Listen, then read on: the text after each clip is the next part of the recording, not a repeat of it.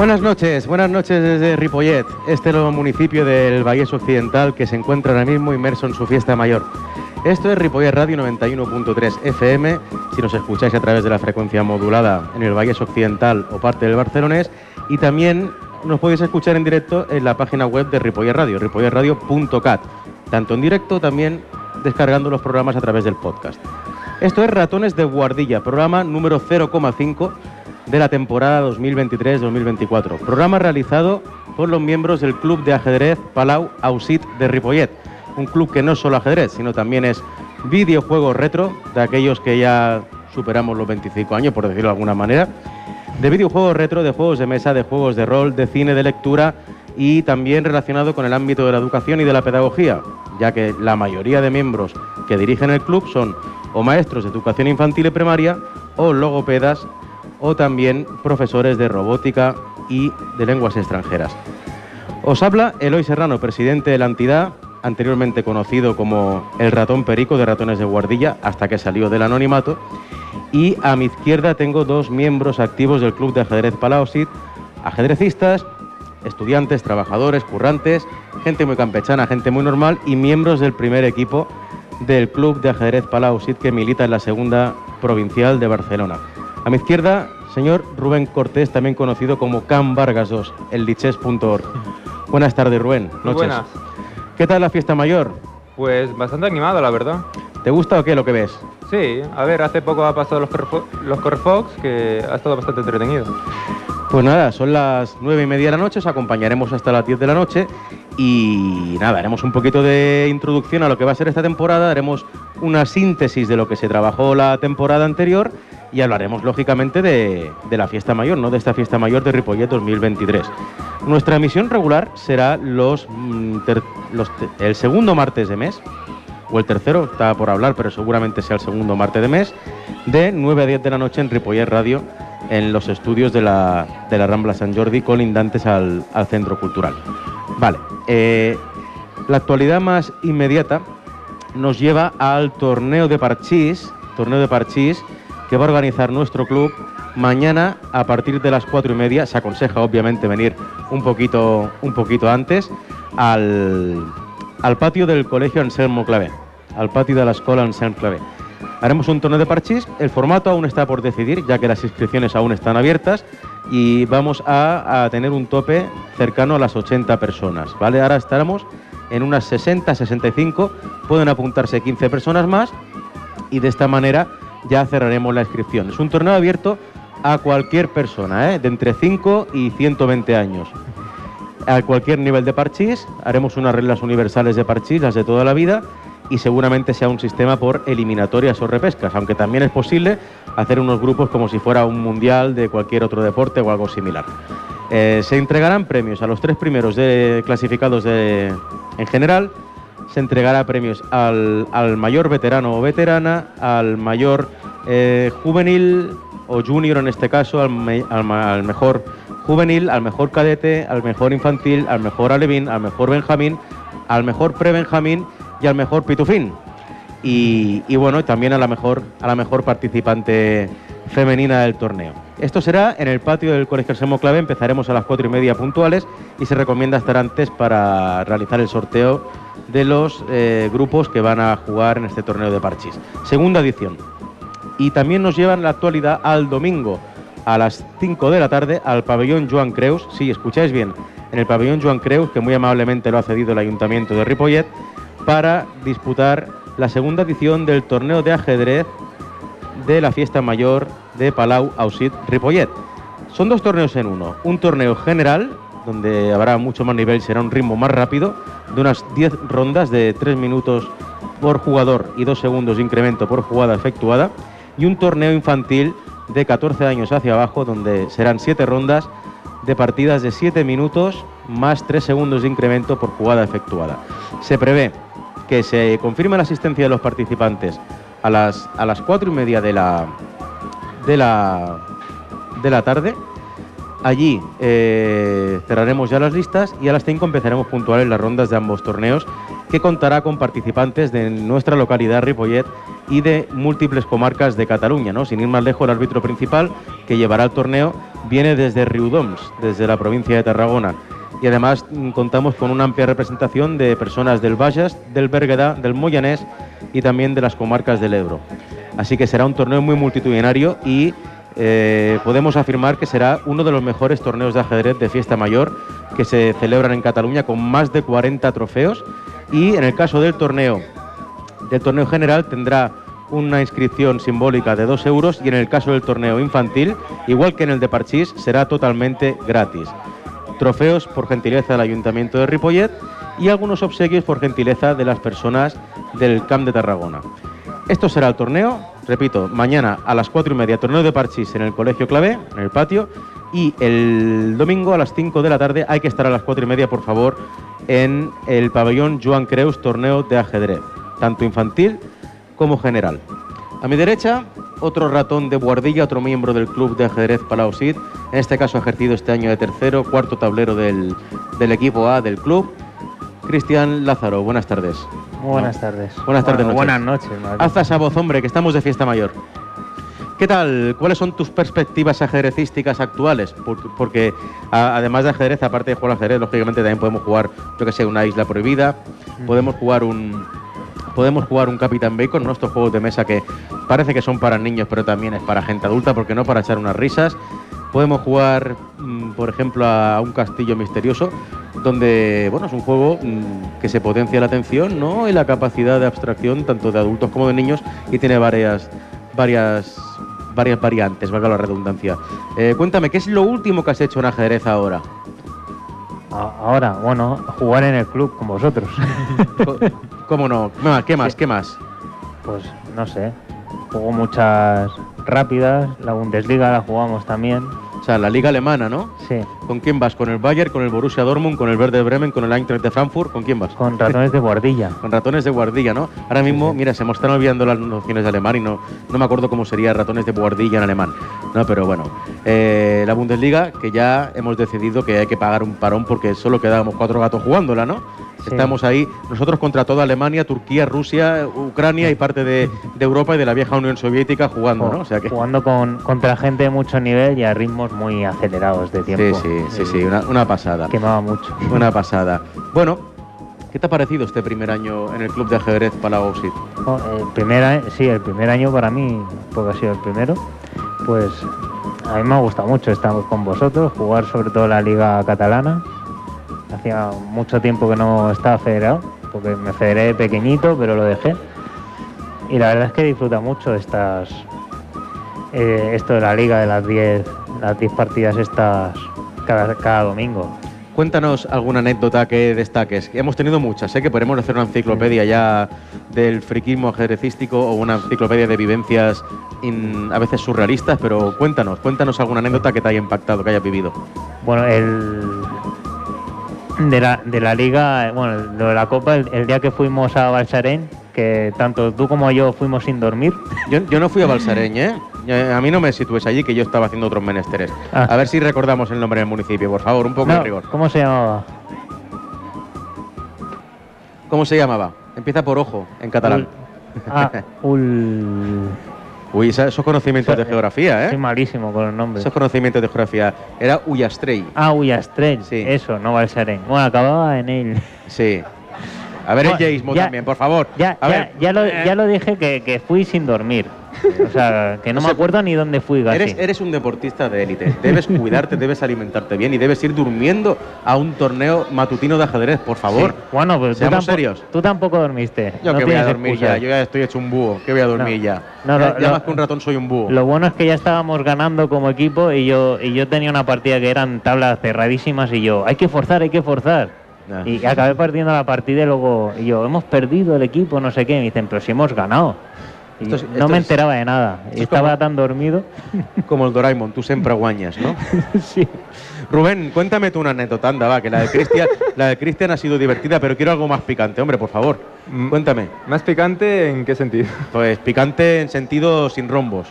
Sin rombos. A ver, mm, yo la verdad que durante toda la liga he llegado a jugar de las ocho, he, jugado, he llegado a jugar unas ocho rondas.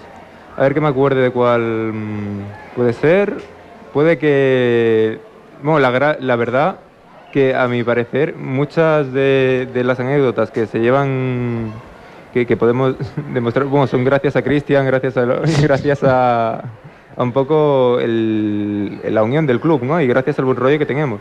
Entonces, una anécdota como tal, eh, a mí me hacen gracia los momentos que tenemos, que tiene de lucidez Cristian, por ejemplo, muchas veces. Eh, lucidez entre muchas comillas. Sí. Eh, a ver, la verdad que fue, me pareció, por ejemplo, bastante bonito el, momento en el que, en el que llegamos a ganar 6-0 por nuestra, nuestra primera vez, incluso siendo un equipo que nos acabamos de, crear prácticamente de, la nada, de las teñitas de la pandemia, ¿no? Eh, llegamos a hacer frente y a mantenernos en una categoría con gente prácticamente recién federada. Y, mucha, y muchos de nosotros nos hemos federado, bueno, yo por ejemplo no es mi caso, ¿no? Pero hay algunos que nos hemos federado hace, hace bastante poco. De hecho, de hecho, Rubén y Cristian, yo os tengo que decir, bueno, y también las personas afines al club o la gente que va pasando por la Rambla San Jordi, recordad que estamos en la Plaza Peracuara, aquí en, el corazón de la fiesta mayor, en pleno centro de Ripollet. Hay yo cosas como presidente, como coordinador y como también el jugador más veterano, aunque sea una persona joven aún del club. Tengo que decir que estoy muy contento personalmente y siendo objetivo, creo que ha sido algo espectacular. ¿no? Es un club de ajedrez muy pequeñito, que estamos ahí en la Asociación de Vecinos de Cambargas, en la calle Federico García Lorca número 5, que hemos, como tú bien dices Rubén, hemos resurgido de la nada. ¿no? Cuando nos asoló la pandemia, quedábamos solo dos personas en el club, ¿no? Parecía que nos íbamos a pique, ¿no? Eh, se inauguró en 2018, en octubre, tuvo su época dorada en dos años con un ascenso a segunda provincial. Con la pandemia se fue todo al garete. Seguimos los dos y, bueno, Noelia también que estaba, José también estaba, y allí en la, asociación de vecinos, eh, la junta, ¿no? Y los miembros más activos, y al final conseguimos, a base de ser pesados y hacer publicidad y salir a la calle con unas sillas y una mesa, conseguimos, eh, como diríamos en, el argot militar, ¿no? O, de la mili, ¿no? Reclutar a gente, ¿no? Y ha sido muy bonito porque este primer año que hemos sido ahora en 2023 hemos vuelto a, participar en competiciones oficiales y también en competiciones oficiosas, ¿no? Eh, hemos organizado un torneo de ajedrez para recaudar fondos para la isla de La Palma. Queda pendiente uno para la guerra de Ucrania.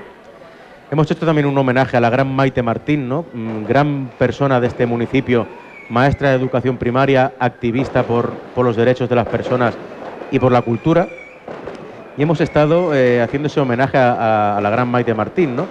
Hemos estado haciendo también torneos de parchís, hemos jugado a otros juegos mm, para todas las edades, hemos visto lo que son los juegos retro, hemos competido en la Liga Catalana, logrando mantener la segunda categoría con un equipo, como bien decís, de gente inexperta, ¿no? de recién federados, de gente que no tocaba una pieza durante años, de gente que se ha enganchado ahora. Hemos tenido un equipo B de padres y de hermanos que no ha quedado último en tercera provincial en su primer año y eso es un mérito. Hemos tenido un equipo de niños sub-12 que todos, todos menos uno, todos eran recién federados y que han empezado a jugar al ajedrez hace poco y han logrado un ascenso a la primera división sub-12, es decir, de 12 años hacia abajo, del ajedrez catalán y que clasificando a una final con los equipos de primera división se quedaron solo a medio puntos de ser campeones de Cataluña, que eso es, eso es espectacular esa final que se jugó en, Gerona, solo superados por el Figueras por medio punto, fue espectacular, ¿no? Eh, empatando con equipos como una capital de provincia como es Girona y una, otra, otro gigante como es el PNPO de Barcelona, ¿no? Fue espectacular, ¿no? Quedar terceros de Cataluña en nuestro primer año con niños y niñas que acaban de empezar ahora.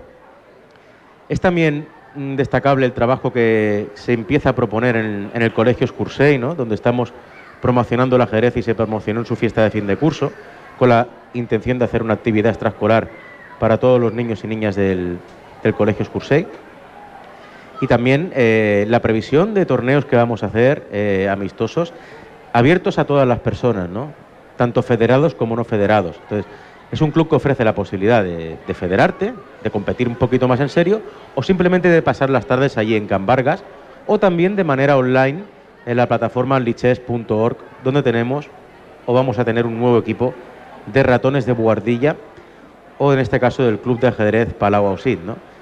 Ratones de Buardilla, un proyecto que empezó hace tres años en Ripoller Radio, de la mano de, de los miembros del club, con la ayuda de Tony Miralles, de Jordi Puy, con el impulso de, también colaboraciones de, Sergi Requena, que nos hace su, su, sección musical o de cine de los años 80 o 90. Es una, una apuesta que también queremos llevar a las redes, ¿no? Mm, también la plataforma Twitch, por ejemplo, Ratones de Guardilla también tiene que crecer en Twitch. Tiene que crecer también en Instagram, tiene que crecer también en TikTok. Y, y, es un proyecto del que no solo se va a hablar de ajedrez, sino que se va a hablar sobre todo de los años 80 y 90, de su música, de su cine, de literatura, de anécdotas, de cositas que podemos encontrar en definitiva en una vieja guardilla. Entonces, eh, no sé si se me está olvidando algo, tenemos un poco rato hasta las 10 de la noche que va a acabar este, uh -huh. este programa 0,5 de ratones de guardilla de la temporada 2023-2024.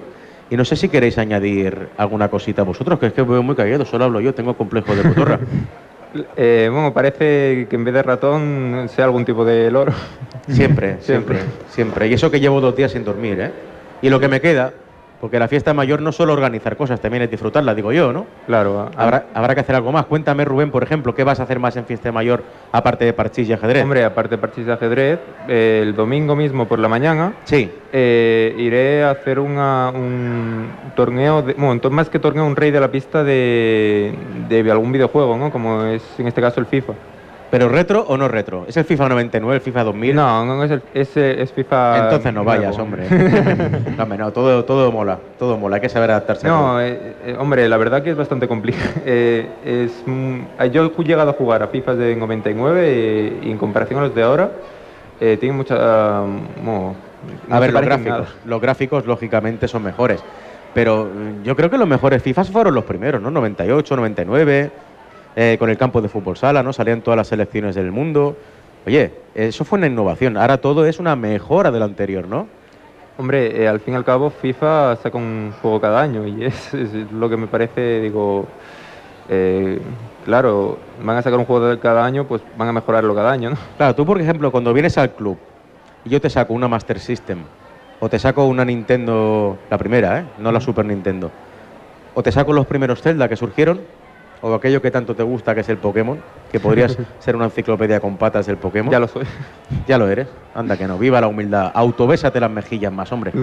Eh, ¿Qué piensas cuando te saco esas maquinotas de los años de mi infancia? Me parece una maravilla, la verdad. El poder disfrutar consolas eh, y tanta, tanta dedicación a lo que es un videojuego cuando eh, en aquellos tiempos, por ejemplo, no tenían las facilidades que tienen ahora y necesitaban, por ejemplo, optimizar un juego y, y, comerse la cabeza para sacar lo mejor, el mejor rendimiento posible. No había YouTube, no había guías, no había tutoriales. Exacto. Si te mataban, a empezar otra vez. No había tarjetas de memoria.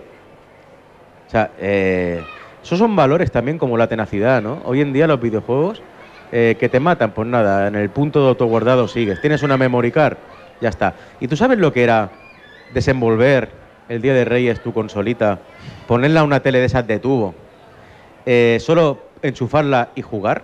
¿Y ahora qué? Ahora tú te compras un juego de la Play 5 o de la Xbox. Que van o un Fortnite, que no tengo pase de batalla, que o cualquier otra cosa, ¿no? Que no mm, desde que compras tu consola hasta que empiezas a jugar, ¿qué pasan? ¿Cuántas horas? Eh, son bastantes, la verdad. Y hay que pagar, ¿no? Extras, sí. imagino. Que si instalando, que si actualizando la consola, el juego. Claro, el tema de actualizar siempre va a estar con, en consolas tan recientes. ¿Tú sabes cuál fue mi última videoconsola? Dime. La Nintendo 64. me la trajeron los Reyes cuando era un bebé, prácticamente. Sí. Y me divertía. ¿Tú sabes cómo era el multiplayer de antes? El multijugador. Pues cuatro tíos sentados con cuatro mandos, con la pantalla dividida, con ese pedazo tele que pesaba más que yo, eh, echándonos unas pizzas y una Coca-Cola. Y con eso éramos felices. Luego íbamos al videoclub, por ejemplo, aquí delante me acuerdo que había uno, se llamaba Videoclub Tommy, luego estaba el de la calle Calvario, el de la calle Padró. Y tú sabes lo que era llegar el viernes, que habías hecho tus deberes antes de las 8 de la tarde, porque estabas diciendo, bueno, no tengo ni fútbol, ni tengo nada, ni tengo inglés, ni tengo nada. Voy a hacer los deberes porque luego sabías que podías llamar a tus amigos por el teléfono, que siempre te cogía el teléfono su padre o su madre, a casa. Podías llamar a tus amigos o directamente les picabas a la puerta. no ahora, que es WhatsApp y, o, o mensajería o Instagram o cualquier tipo de sistema, ¿no? O Hmm. yo que sé, hay mil millones de maneras de comunicarte. Pero antes éramos felices, tío, haciendo una llamada al fijo o, o picando a la puerta de alguien o pegando un berrío por la ventana.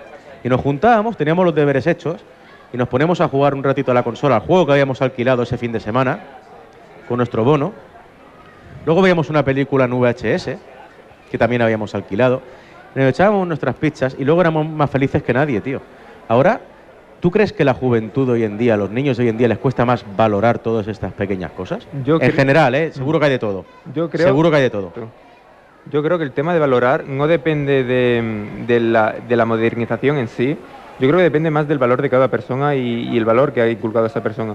Porque, eh, por ejemplo, eh, para que un niño sepa valorar eh, una consola o, un, o cualquier tipo de artilugio, o que sea feliz con, con ese, eh, con ese artilugio, porque al fin y al cabo, eh, una consola, por ejemplo, yo creo que es una modernización y es lo mismo, pero mejorado en muchos aspectos, ya no, eh, y muchas veces ya no solo en gráfico, sino a nivel de jugabilidad. en- y, y aunque sea lo mismo, pero mejorado, me parece que, eh, que es bastante, bastante locura, ¿no?